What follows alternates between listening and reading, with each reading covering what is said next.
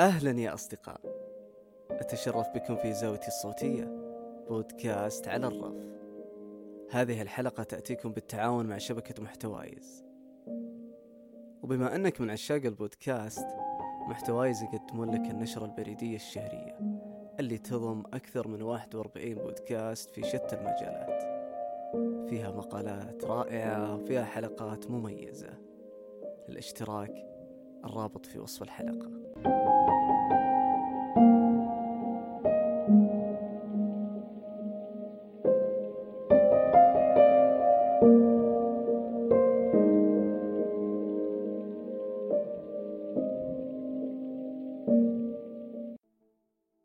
الطفولة عالم مليان أحداث وقصص وقناعات. في وقتها كانت عظيمة لأنها المسودات الأولى في بدايات اكتشافنا للحياة. في تركيبتها الكونية والوجودية والطبيعية. رغم الشطحات والقفز بين مربعات لا منطق إلا أنها جديرة بالمشاركة. ومو بس على قولتنا سوالف بزري. نضحك منها ويضحكون علينا أهلنا بسببها أو يزعلون ويعاقبوننا وأحيانا يقولون الله يصلحه مشاغب. كانت بدايات لكل شيء الفرح والضحك والحزن والفقد والكسب والخسارة. حتى يوم عرفنا ندفع ريال للبائع في البقالة أو أم فهد اللي تبيع بالسوق الشعبي عشان نشتري علك إن لكل شيء ثمن. ولازم ندفعه ما بيطول بالمقدمة لأن بيشاركني بتقديم الحلقة أصدقاء بودكاست على الرف الرائعين. وزيزة. ما تعرفون زيزة؟ هذا شخصيتي الروائية المفضلة مؤخرا في رواية شجرتي شجرة البرتقال الرائعة للروائي البرازيلي خوسيه مورودو دي فاسكونسلوس يا رب نطقت اسمه صح. اجتزنا طريقا جميلا. لم يكن مبلطا لكنه عامر بالكثير من الأشجار والمروج. إنه أعجوبة حقيقية. دون الحديث عن الشمس والسماء ذات الزرقة البهيجة. ذات يوم قالت لي ديندينيا إن الفرح شمس تشع داخل القلب وإن الشمس تشع على كل شيء بالسعادة. وإذا صح هذا فإن شمسي الداخلية كانت تجمل كل شيء. من الذكريات الجميلة اللي حصلت لي في الطفولة يعني. أتذكر كنت في سادس ابتدائي وجاني واحد يعني قال لي يا أخي عندنا مباراة بين رجال الحد الجنوبي يعني النازحين اللي جو هناك وأهل المنطقة. كان أيام ما كان الخوبة فيها يعني مشاكل من الحوثيين ما إلى ذلك. قال أبغاك تعلق المباراة. أنا انصدمت كذا قلت أعلق مباراة قلت أوكي. يعني شوف الصدمة. ست سنوات إيه بسم الله يعني حاجة مضحكة يعني مرة. والله فعلا علقت المباراة. بعد ما علقت جاني واحد قال لي يا أخي عندي الدور الفلانية أنا أبغاك تعلق فيها وأعطيك فلوس. على كل مباراة 150 تخيل إن عمرك تقريبا يعني كم الواحد عمره سادس وتاخذ 150 مثلا على على المباراة الواحدة أو حاجة زي كذا. كان حاجة خرافية. ومن ذلك الحين إلى الآن ما زلت أحب التعليق. يعني هذا من أجمل الذكريات اللي حصلت لي في الطفولة صراحة إني كنت معلق رياضي واستمريت على ما هو عليه في التعليق الصوتي. تدرون من كان عدونا وحنا صغار؟ هو شرطي الأطفال. الطفل الغثيث اللي كان يعلم أهلنا أو أي أحد السلطة علينا. إحنا نسميه بلهجتنا الطفل الحروش. عاد قولوا لي بالتعليقات وش تسمونه. والطفل الحروش هذا صار له موقف مع عم سعيد اللي أخذ أحلى حفلة ضرب جامد بأثر رجعي. السلام عليكم ورحمة الله وبركاته. أهلا عم خالد وأهلا بمتابعينك متابعين بودكاست عرف أول حاجة اتشرفت بوجودي في الحلقة وإن أنا أحكي حكاية صغيرة كده حصلت معايا وأنا طفل. وفي العموم أنا كنت طفل شقي شوية وأنا في الابتدائي وكده. فكنت بهرب من المدرسة كتير. ففي مرة وأنا بهرب واحدة معايا في الفصل شافتني فراحت قالت لوالدتي ووالدتي ضربتني. ضربتني جامد وقتها يعني. المهم أنا جيت تاني يوم بقى مسكت البت ديت ضربتها عزعتها علقه طلعت عينيها المهم وكان كان عقابا ليها بقى إن أنا أخليها تقف. تشوفني وأنا بهرب تشوفني وأنا بهرب في نفس اليوم ده. وعشان خاطر اشوفها هتعمل إيه. فوانا بهرب أمي كانت رايحة السوق وشافتني بالصدفة وضربتني برضه. من ساعتها وأنا أشوف البت ديت وأمشي من شارع التاني. كلنا ونحن أطفال لدينا معتقدات غريبة. بعضها تكون من حكايات وترهيبات الأهل إزاء أمور معينة. أغرب قناعاتي كانت تخيلي للطعام اللي حيجري ورايا. عشان ما كملته ولا أعلم لما الموز تحديدا تخيله كان مخيف جدا من بين كل الأطعمة. كبرنا وكبرت معنا مواقف لحد اليوم مغروسة فينا بأنها تدل على أشياء محرجة وصناعة حدود لا يمكن نتعداها. مثل لو قال لك واحد وأنت صغير روح تنظف. أكيد اليوم عندك هوس نظافة بسبب كلمته. أو أحرجك شخص ما عبر كونك طفل قدام الكل. خلاك مثل شاشة عرض بشارع. الكل يشوفها حتى لو ما يبي. أهلا أنا هدى. اللون الأخضر يذكرني بموقف مستحيل أنساه في أول ابتدائي بعد الموقف هذا كرهت اللون الأخضر والألوان الخشبية كلها وزعلت كثير مرة. ولكن كل هالزعل صار ابتسامة لما كبرت. الموقف سلمكم الله كان بسيط جدا. كنت سرحانة في الشرح وحاطة قلم خشبي لونه أخضر في فمي ومعاملته معاملة المصاصة. وفجأة ألاقي صوت المعلم ويداهم سرحاني ويأمرني بالتقدم أمام زميلاتي. طالعت فيني وقالت إيش كنت تسوي؟ طبعا من هول السؤال ما عرفت أجاوب. تلعثمت وقلت لها ما سويت شي مسكت كتفي وقتها ولفتني وبصوت عالي طلبت مني إني أطلع لساني. طلعت لساني والمفاجأة كان لساني لونه أخضر. فما لقيت إلا كل البنات جالسين يشوفون لساني واللي كانت بعيدة قربت عشان تشوفه. بعدها طلبت مني إني أروح دورة المياه أكرمكم الله وتمضمض. انتهى هذا اليوم والدمعة كانت على عيني. بصراحة عذر المعلمة في هذا يعني في يومنا هذا على التصرف اللي صار ويمكن كان القصد منه التحذير لكن بوقتها كنت جدا منحرجة. بالمختصر مهما كنتوا تتمنون تأدبون الطفل لا تحرجونه أمام أقرانه لأنه هذا الموقف مستحيل أنه ينتهي من باله. كان صمتي يثير قلق جلوريا. لذلك تركت في متناول يدي كومة من الصور وكيسي الخاص بالكريات لكنني لم أكن أهتم بها في أغلب الأحيان. لم تعد لدي رغبة في الذهاب للسينما ولا في الخروج بصندوقي كماسح أحذية في الحقيقة. لم أتمكن من الشفاء من جرحي الداخلي لحيوان صغير أشبع ضربا بلا شفقة دون أن يعرف السبب. كنت تحت رحمة قناعة تتطير بأي أمر يستجد أو أي حاجة خارج عن المألوف وتربطه بيوم القيامة. مثل مش مسموح للعصفور إنه يغرد بالليل.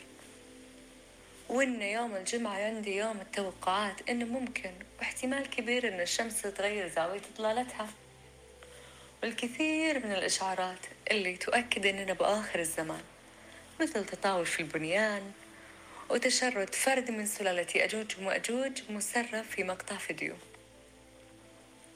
ما حب المطر يربع عشان ربع الخلي لا يسهر. وصوت البوري عندي مربوط بصوت الثورات في غزة. أذكر مرة زفوا عريس في شارع بيتنا فزعت لأمي أصيح أقول إسرائيل جتنا. طبعا أمي كان لها الفضل الكبير في حسم القضية وقالت إن القيامة علمها وأمرها عند الله. لكن ترى إذا مات الإنسان قامت قيامته. دائما تبدأ قصص النجاح برؤية وأنجح الرؤى هي اللي بنيت على نقاط القوة. ونجاح رؤيتنا 2030 بدأت في التحول الصحي لأن صحة المواطن أولا. استمعوا للكثير عن برنامج التحول الصحي ومستقبل المملكة في بودكاست ديوانية التحول الصحي. تجدون الرابط أسفل في صندوق الوصف. استقبل النصيحة لكنها كانت أكبر من كونها نصيحة. يعني تقدرون تقولون حد. الخطأ كان لازمة صديقي صهيب من السودان يوم كان طفل يرسل أبوه المغترب خطابات لكن صار شيء خلاه لحد اليوم يحسب حساب ذاك الموقف. مساء الخير عليك حبيب والصديق خالد المساعد. وصراحة الموضوع المطروح هو موضوع يستاهل كثير من الكلام والسرسرة. في عجالة من الأمر يعني لو ذكرت القصص الكثيرة واللي يعني أنت كل ما قدم بك الأمر أنت بتحاول أو العمر مش الأمر أنت بتتذكر تفاصيل كثيرة في حياتك كانت عندها يعني تأثير أكبر في الذاكرة بتاعتك. بتذكر كنت أحب الكتابة وأحب أرسل خطابات لوالدي في الاغتراب فأتذكر كنت متحمس في إنه أكتب رسالة لوالدي. فمن الحاجات اللي ما أنسى إنه رد علي على صهيب أن يهتم بالأخطاء الإملائية. بعدها يعني أنا الموهبة والرغبة دي زادت عندي زيادة في الكتابة والأدب وكده وبديت يعني أكتب وحتى لدرجة الموجهين في المدرسة يشيلوا الدفتر بتاعي وبقيت يعني مع الثورة بتاعت الميديا أكتب خواطر في وسائل التواصل الاجتماعي.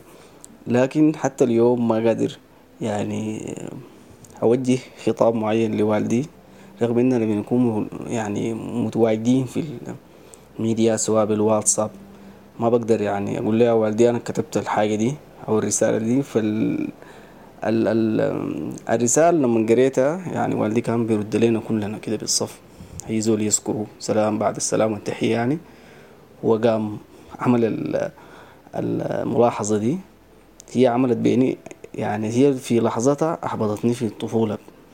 لكن ما أعرف الإحباط ده كبر معاي ولا شنو لأنه ما قادر يصيغ أي رسالة لوالدي. لغاية الآن وشكرا آه، لك يا صديقي. الآن عرفت فعلا ما الذي يعنيه الألم. الألم ليس في تلقي الضرب حتى الإغماء وليس في انغراز قطعة من الزجاج في إحدى قدميك. تستوجب نقلك إلى الصيدلية لرتق جرحك. الألم هو هذا الشيء الذي يحطم قلبك. الألم هو الموت من دون القدرة على البوح بسرنا لأي كان. أنا كانت عندي قناعة إنه أنا راح أغير العالم راح أنقذ الضعفاء. فأول عملية بطولة سويتها آه، أول شيء سويت اللي علي وسويت جلسة مناصحة لأهلي إنه وشلون تأخذون البيض من أمهم وأبوهم؟ ترضون أحد يأخذني منكم يأكلني؟ بس ما كان في أحد يسمعني فقررت إني أتحرك يعني. فأخذت البيض كنت أسرق البيض وأحطه تحت مخدتي على أساس إنه المخدة كذا نفس حجم الدجاجة يعني وممكن يفكس بعدين. فبرضه من الأفكار اللي براسي كنت أقول ليش الحيوانات ما تتكلم؟ أكيد لأنه ما حد فكر يعلمها كلام فأنا كنت الشخص هذا اللي يفكر إنه يعلمهم الكلام وأنا أول شخص راح يعلمهم الكلام ويعني كنت بدخل موسوعة جينيس ما كان في موسوعة ما أدري كان في ولا بس كنت بزر. المهم بس والله صحيت من النوم لقيت البيض مفقوش تحت راسي وأمي هزأتني وخلصت بطولاتي. سمعت كل شيء وواصلت رفضي للحياة. كنت أريد الذهاب إلى السماء. لا أحد يذهب إليها وهو حي. أحضر أدويتي لكنني وصلت التقيؤ. عندئذ حدث أمر جميل جدا. كل الشارع تحرك للقدوم لرؤيتي. تم نسيان أنني كنت الشيطان مجسدا. سنيور بؤس ومجاعة أحضر لي كعك ماري أمول. والنينجا يوجينيا جلبت لي بيضا وتلت صلوات فوق بطني كي أتوقف عن التقيؤ. ابن السنيور يحتضر. كانوا يقولون لي أمور رائعة. يجب أن تشفى بسرعة زيزة من دونك ومن دون شيطنتك الشارع كئيب.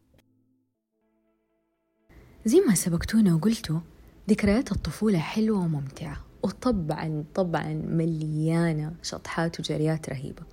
شطحتي العظيمة كبنت إن أكبر أحلامي كان إني أبغى أصير أب لما أكبر. إي نعم أب. مو عشان أبغى أكون رجال عشان كنت أبغى أكون بابا بكل ما تحمل الأمنية من بساطة وعمق.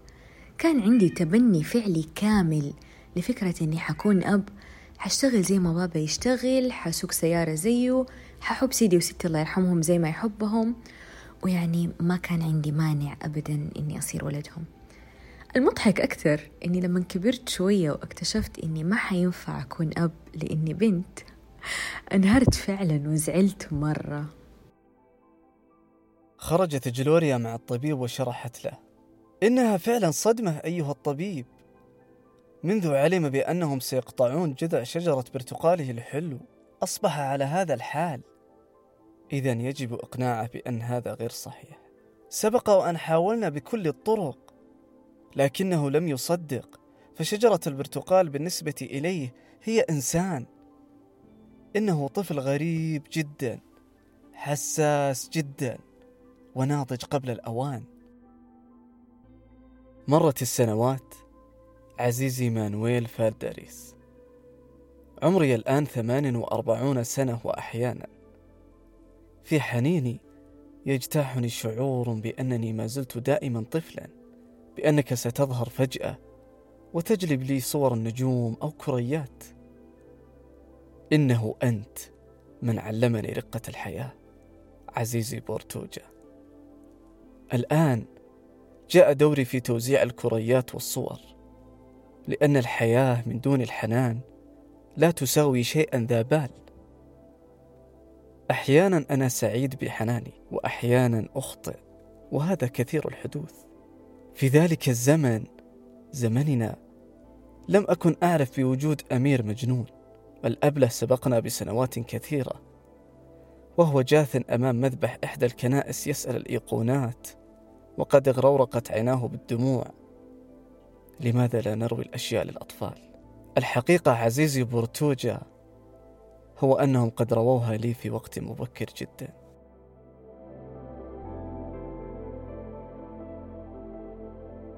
يعطيكم العافية يا أصدقاء وشكرا لكم لاستماعكم. شاكر لك أنك وصلت إلى هذه الدقائق. أنا ممتن لك جدا.